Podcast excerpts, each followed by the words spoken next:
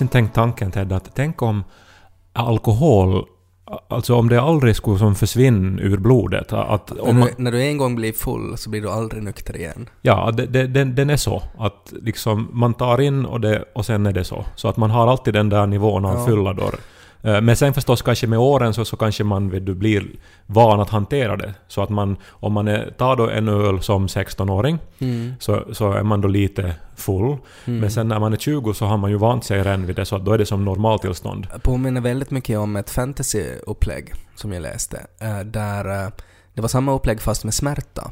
Att om du en gång liksom stiger på en spik så det gör ont. Så det kommer aldrig att sluta göra ont. Okej. Så till sist är det på något sätt, alla de här små grejerna som, som man på något sätt ehm, samlar på sig under åren, så det gör att man blir crazy till sist. Men hur är det om det kliar då? Om det är sån här det, är, liten det, är inte, irritation? det är inte smärta, men att om du kliar tillräckligt hårt så att, att, det liksom, att det gör ont, då kommer det alltid att göra ont där. Ja, men alltså smärta är ju su- subjektivt förstås. Jo, men där är det också att du, att du lär dig att leva med den smärtan. Men sen är det ju att om någon hugger av din hand, så det är ju, det är ju liksom en vansinnig smärta. Som, som folk inte klarar av att, att leva med. Så det här är då en värld då där alla då är hela tiden eh, kraftigt bedövade. Uh, nej, det finns, inga, det finns inget bedövningsmedel. Och Ja. så, jag tror det var bara en stad där, där det var så här.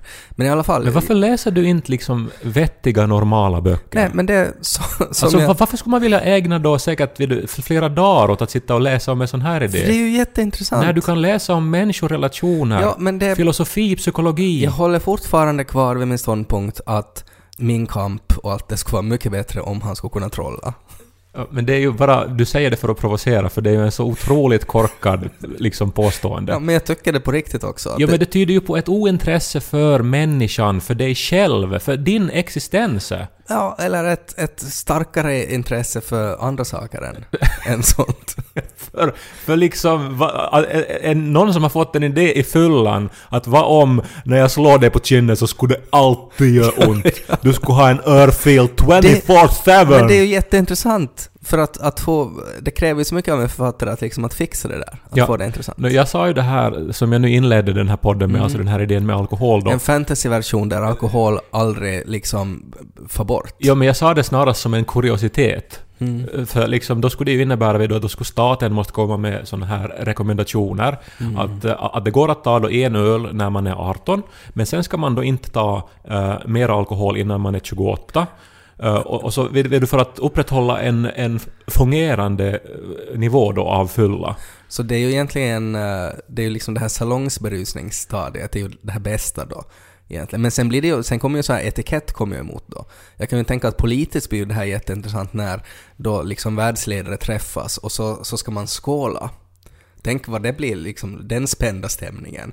Att tar du den här snapsen med mig? Ja, men då skulle det måste vara, så- alltså, så- för att man skulle ju Tänk vilken börja- hjälte Boris Jeltsin var då. man skulle ju börja skapa liksom eh, ideal runt det här då och, och, Mm. och sen skulle det vara att vissa yrkeskategorier, att sen i annonsen har de att, att du, du får liksom ha max två öl Mm. och det betyder att man... Det skulle ju, antagligen så skulle det ju, samhället skulle ju styras av promillehalten då. Alltså att, att vad du kan utbilda dig till eller vad du kan jobba med, så allt begränsas till vad du har för promille. Ja, och så, ja, och så skulle det bli klassfrågor också för säkert då skulle man kunna liksom eh, dricka och sen betala dyrt då för någon blodtransfusion, att man skulle som Mm. köpa billigt blod från Guatemala och få Mm. liksom helt nytt blod ja, och ja, kunna på det starta om. sättet kan man. Ja, Ja, spännande. ja. Det Men här är, det här är ett fantasyupplägg. det här är en, en, en två minuters grej i en podd, bara som en så här liten aperitif. jo men om man får, om man... Men att någon skulle skriva en hel roman om det här är ju helt Ja. sinnessjukt. När man Men- kan skriva om kärlek, man kan skriva om, Ja. om, om liksom känslan man får när man Men- ser ett vinterlandskap. Ja men det är ju alla alla kan ju gå ut och titta på ett vinterlandskap och få den känslan. Vem som helst kan ju bli kär och uppleva det, men ingen vet hur det är att trolla. Sen skulle det vara intervjuer med såna här 90-åringar som då aldrig har druckit. Och så Mm. skulle det vara som att en del skulle idealisera dem, men så skulle det alltid komma då någon hundraåring som är otroligt full och som Men- har dockat hela livet. Tänk vilka fester på sådana här eutanasikliniker. De sista ljuva åren blir det bästa i vårt liv. helt full. Jag är så dement jag så. Hit bara med lite geggo. Man shottar till det bittra slutet.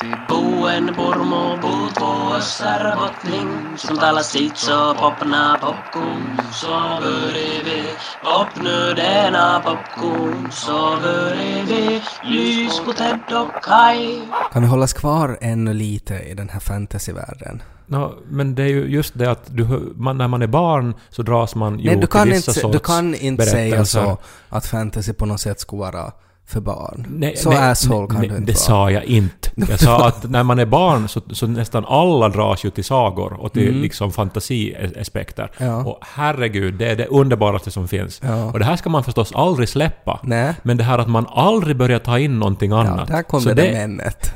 Det, det är liksom det som jag opponerar mig mot. Ja, men det är ju inte, nu är det ju inte så att jag inte tar in något annat, det är bara att jag tycker att allt annat är sämre. Ja, och, och du vill att det också ska vara fantasy för att det ska ha Ja, något för värde. det tycker jag är bra.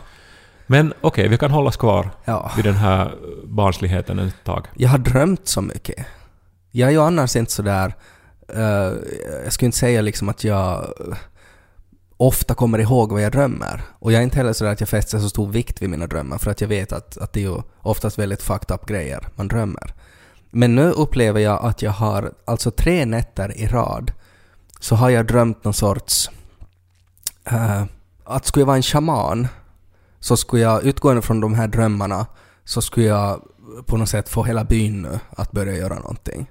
För att jag vet att, att stora grejer kommer att hända. Den, min första dröm så var att uh, Janika hade på sig en lång vit klänning och så kom hon in med en annan kvinna och sa att eh, det här är din andra fru.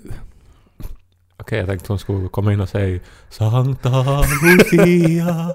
Nej men det var lite, det var lite såna vibbar. Men att hon kom med en annan kvinna och liksom presenterade henne för, för mig och sa att det här är din andra fru.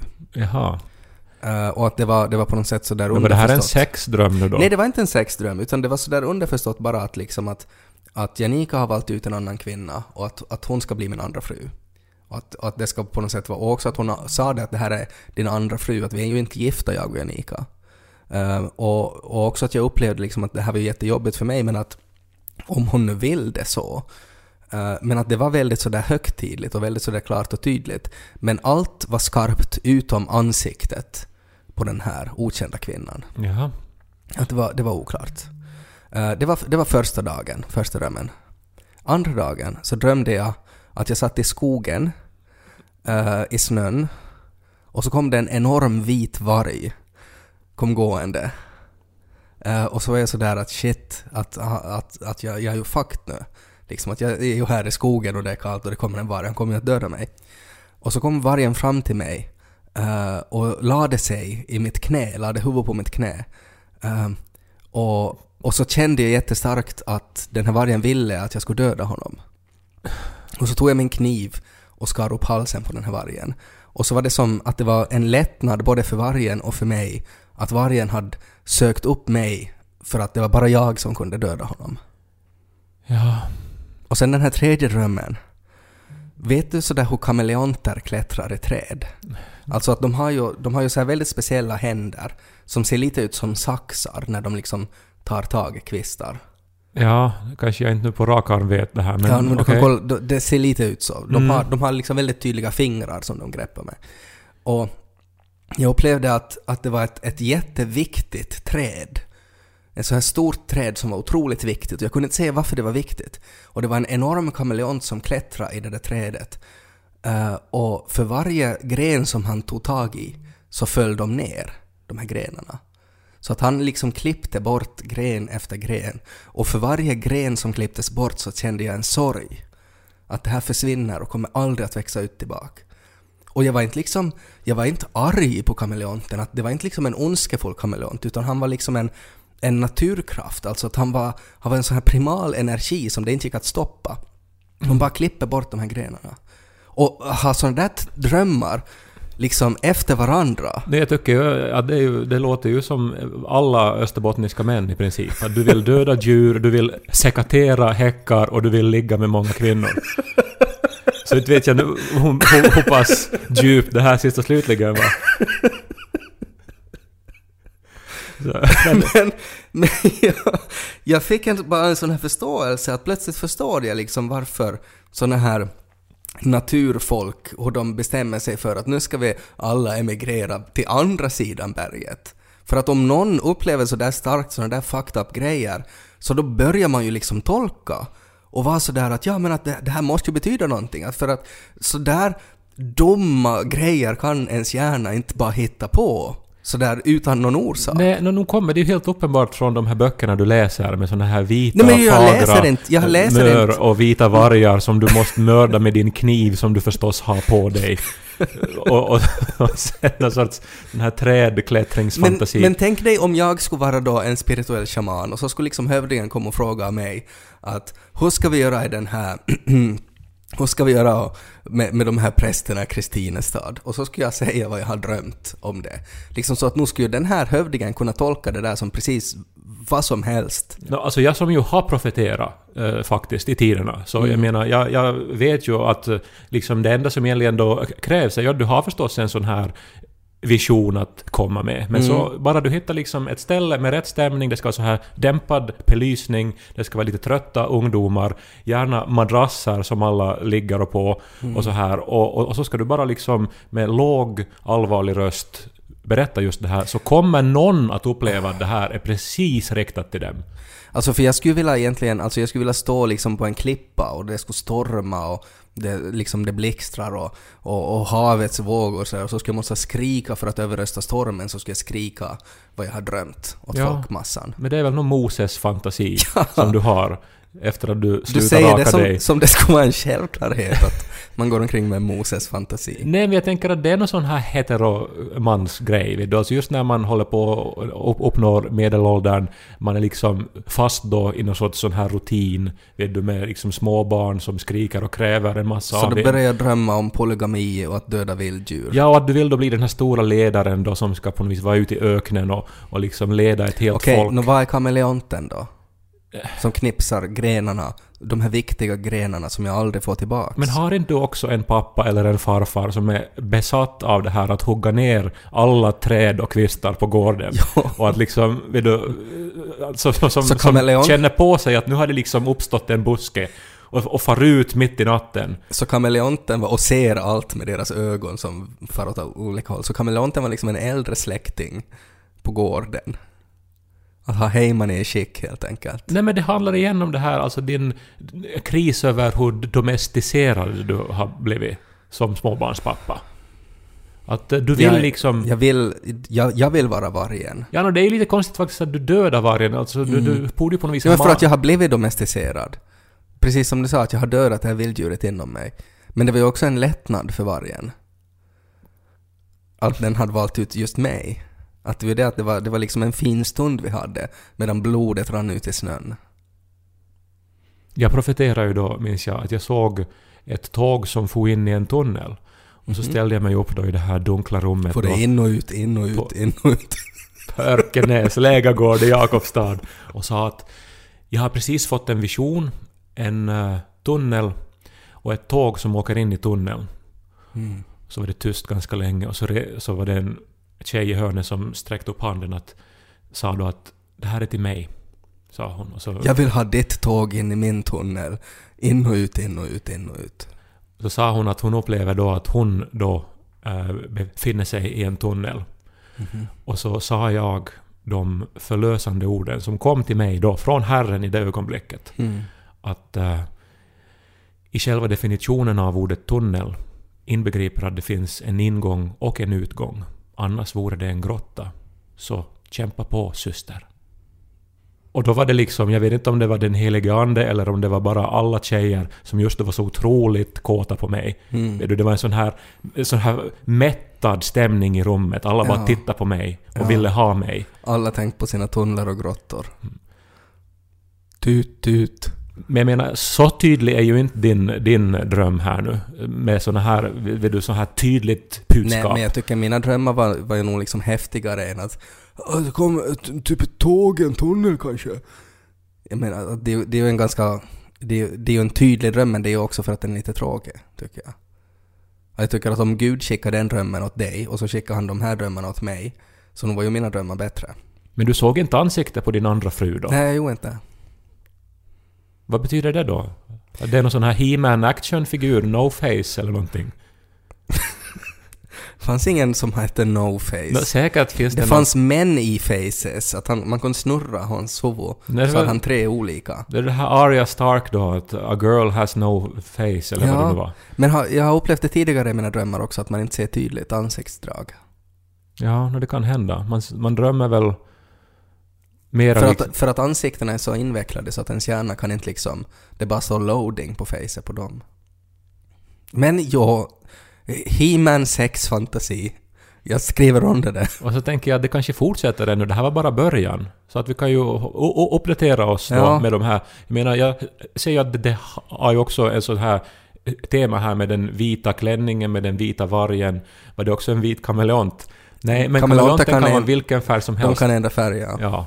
Så att uh, mitt i allt kanske det här ännu öppnar sig här. För någon där ute, hör av dig om Herren träffar ditt hjärta.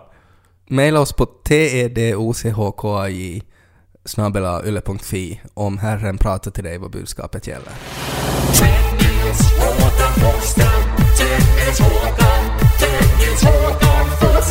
Det var så skönt häromdagen. Det var, det var en känsla som, som faktiskt eh, jag upplever att jag har saknat i mitt liv. En sorts känsla av att, av att någon smekte mig på kinden och sa att det var bra, att, att det räckte nu, att, eh, att lugna ner dig och att jag faktiskt trodde på det här. Mhm. Och det, var, det var, och det kom från en app, det var Instagram. Plötsligt, jag sitter där då och slö-scrollar och mitt i allt så uh, når jag någon sorts eh, symbol. Alltså det var som en, eh, som en grön cirkel med ett sånt här krux i. Och så står det Du har inga fler olästa inlägg. Och så, okay, tänkte jag, okej nu har det kommit någon ny uppdatering. Och så scrollade jag lite vidare. Men så insåg jag att, ja men säkert så är det så nu då. Att nu håller de väl ordning på det här. Att nu har jag faktiskt sett allt Alltså nytt. nu har du sett hela Instagram. No, men åtminstone i mitt flöde. Mm. Och det gjorde det som... En skapade en otroligt skön känsla i mig och så var det väldigt lätt att sätta undan telefonen. Mm. En så enkel grej. Att någon vet du, säger åt en att, att liksom, nu har du gjort tillräckligt. Nu måste du inte lägga mer tid på det här. Mm. Så det kändes bara fantastiskt. Och så jag tänker liksom att det här är som en sån grej som skulle måste finnas i livet. Att det är exempelvis när man är eh, ute på en bar och så har man roligt och så dricker man lite alkohol och så eh, träffar man människor. Så i något skede av kvällen så, så borde det ju komma då en sån här grön krux som skulle säga att du har inga fler höjder att nå ikväll. Så skulle det vara som, okej, men nu har jag då alltså fått ut allt som går att få av den här sessionen. Så då får jag hem och avslutar och så är jag jättenöjd. Mm. Men istället så jagar man ju vidare för att man tänker att okej, eventuellt kanske jag hittar någonting roligt ännu.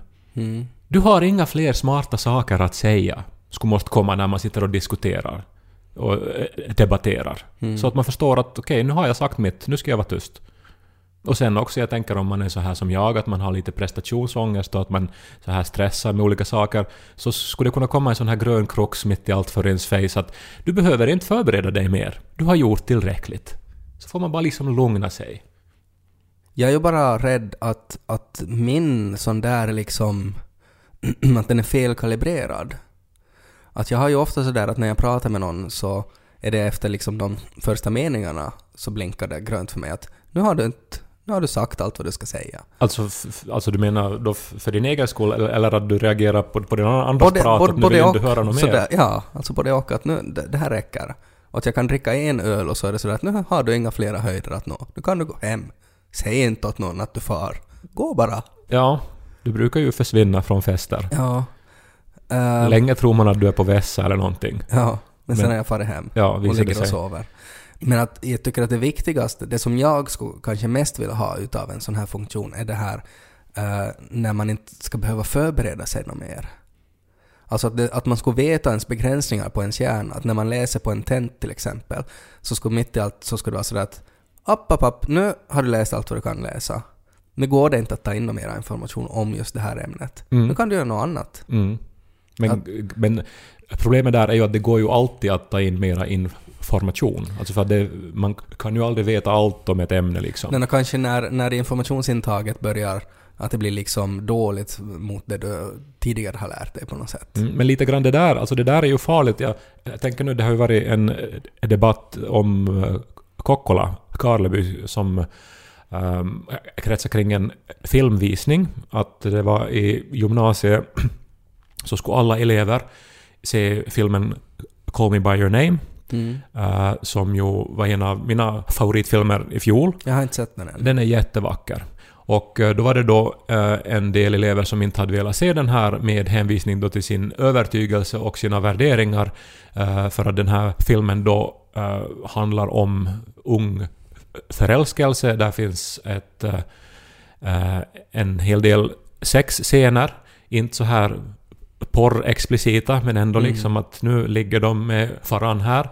Och sen möjligen låg det ju då i bakgrunden också då att det är alltså mellan två män det här sker. Mhm. Eh, så att nu, nu är det då debatt kring det här då att, att, att hur långt ska värderingar få, få styra skolan? Är det till exempel om man inte tror på evolution ska man kunna då eh, vägra vara med på biologilektionen och så vidare. Det, Mm. det är ju en, en intressant diskussion. Mm. Men lite grann är det ju så eh, för en del människor att man har på något vis bestämt sig för att nu behöver du inte lära dig något mer. Nu behöver du inte ta reda på mer. Nu behöver du inte tänka något mer. Du, har, du vet tillräckligt. Mm. Och sen så liksom kämpar man då mot allt då som eh, påstår att nej men vänta nu att här finns ännu mera att liksom se och flera aspekter och flera... Näpp, nej, nej, nej. Jorden ser ut så här och jag tänker inte ändra på det här nu. Precis. Mina värderingar är att två män ska inte knasa med varandra. Nej. Så då tänker jag inte ens eh, höra på någon Hur annan åsikt kring det här. Upphetsande scenerna än må vara så vill jag inte se dem. Ja, men jag menar där finns ju också förstås en fara. Att liksom Mm. ställa en sån... Eller en alltså helt enkelt att man begränsar sitt liv och sitt vetande och sin syn på världen. Mm. Och det skapar ju bubblor och motsättningar och så vidare. Mm. Överlag så tror jag att vi allihopa uh, mår bra av att eh, liksom hålla det rätt så kort. Eh, alla vi som gör poddar, alla vi som skriver till exempel, det är alltid bra att stryka 20% av det man har gjort. När man klipper en podd så är det alltid liksom bra att ta bort eh, överflödigt för det blir liksom bättre att lyssna på. Mm. Och eh, det skulle man kunna också ta in i sitt liv kanske. Att uh, gör liksom 20%, ha 20% mindre åsikter. Det skulle vara väldigt bra för att det skulle leda till alltså att du måste tänka lite mera. Alltså det är ju sådär att har du bara plats för tre grejer och men du har 30 grejer så du måste ju tänka mera på vilka tre grejer du sätter på hyllan. Ja, om man bara får ta fem öl i hela sitt liv så ska man ju fälja noggrant när man tar de här ölen. Mm. Så att om du nu har fem åsikter så säg dem och sen så, så, så vet du att det, det, det var där då. Vilka är dina fem åsikter då? Oj, mina fem åsikter. Um, Det blir en ny hashtag det här nu. Nick Carter är söt. Häst bäst. Det är inte coolt att röka. Jag vet inte, inte har man ju på det sättet sådana här konkreta Nej, fem jag menar, jag menar kanske att det är lättare sagt än gjort sådär. Att, att säga att ha mindre åsikter. Jag reagerade på det här, eh, jag såg den här Greta Thunberg när hon var i Skavlan. Så hon sa jag visste inte att hon har Asperger-diagnos, och hon menar ju då att den har på något sätt eh, hjälpt henne att se världen mera svartvitt. Och det där är ju lite som en aspekt av det. Alltså att, att vi fokuserar ju väldigt mycket på de här gråskalorna just nu. Eh, att ha en massa åsikter om en massa grejer. Medan så kommer hon och säger att nej, det är inte så att vissa saker är svartvitt. Frågan om klimatet är liksom svart eller vitt. Och då är det ju bara två åsikter att välja mellan, så det kan ju vara ganska skönt. Nej, ja, men så enkelt är det ju inte. Och det vet Nej, men ju hon- vi hon- allihopa nog. Att eh, saker är ju väldigt sällan svartvita. Det där är ju den där Hans Roslings uh, debattteknik. Att jag har rätt och du har fel. Det är inget vi kan diskutera. Mm. Och sen så låter det jättebra och alla liksom trycker på like. Men sen Mm. när man börjar då dissekera så visar det sig att det finns nog gråzoner i det han sa också. Mm. Och, och så är det ju. Alltså, ja visst vi ska rädda klimatet men det är ju inte bara som att, att liksom trycka på en knapp så slutar alla utsläpp och så fortsätter världen som vanligt men utan Men utsläpp. det menar hon inte heller, tror jag. Men bara att, att, eh, att om det handlar om att, att ska vi göra något eller ska vi inte, så då är det ju väldigt lätt. Det som ju är, tycker jag, det mest spännande här är ju att, att om man jämför de här Kokkola-människorna, eller Kokkola-ungdomarna och Greta Thunberg, att de är ungefär i samma ålder. Och att här har vi en som fokuserar på att ska vi rädda den här planeten eller inte? Och så har vi en annan grupp som fokuserar på att tycker inte att det är okej att vi tittar på bögsex i skolan. Ja. Nu har vi inget mer att säga om den här saken.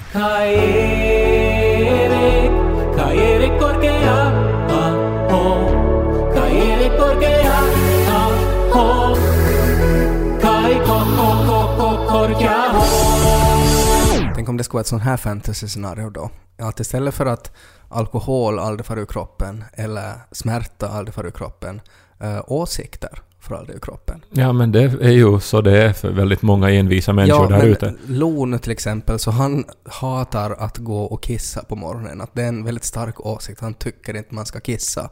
Och jag vet ju att det här, han kommer att växa ur det här, men tänk om han aldrig skulle växa ur de här åsikterna. Alltså att, att alla dumma erfarenheter du är med om som barn som på något sätt skapar en åsikt, så de har du resten av livet.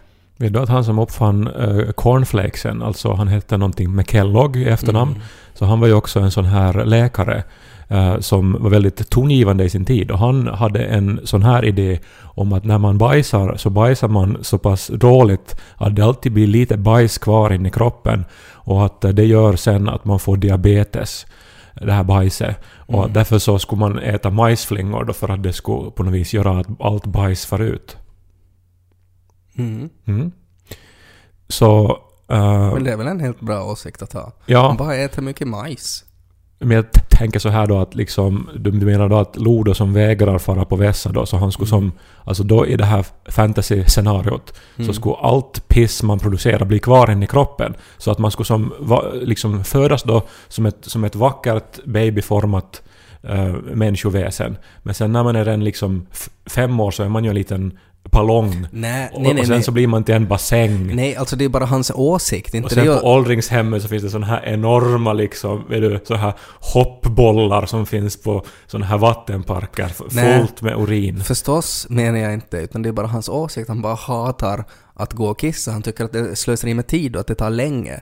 Så att när han är liksom president av Finland och så sitter han där då liksom kan inte sitta stilla och, och rör på fötterna och kniper ihop och så är någon sådär att Herra president, att du har inte varit och kissat på hela dagen. Så, Nej! Jag tänker inte få och kissa! Det skulle vara en jättedum åsikt att ha. Och så är man sådär att Herra president, är det så att det har en kommit lite kiss i byxorna? Nej! Nej! Ja. Men nu är det ju så också att eh, sen när man har varit och kissat så är det ju så här skönt att Ja, ja. "Nu, du har inget mer att göra dig av med. Så kommer Mm. en sån här grön liksom krux då. Mm. Jag hoppas ju att den dag man dör också, eller som strax innan, så skulle det komma då helt tydligt för en en stark känsla av att nu har man, det finns ingenting mer att uppleva, ingenting mer att göra. Då skulle det ju vara skönt att dö. Då skulle det ju vara som just när man har kissat. Tänk om det skulle vara ett sånt fantasy-scenario då, att det är enda gången, du dör bara när du har gjort allt vad du ska göra. Så alla de här gamla människorna som fortfarande är kvar, så de är misslyckade för de har inte liksom gjort det de ska göra. Ja, jag skrev en roman om den där idén faktiskt ju. Mhm, en fantasy-roman. Nej, det var min allra första roman när jag var, gick i gymnasiet. Och- Om en som hade en tydlig uppgift i livet. Ja, Och var det att frälsa unga flickor med grottor? ja, det var nog att få, få liksom ut Herrens budskap till folk var det nog. Mm. Och, eh, och, så, och så ordnade det sig i slutet också. Att även om han dog och planet kraschade så fick han frälst den här kvinnan som råkade sitta bredvid honom i plansätet. Okej, alltså under själva kraschen. Ja, så var det.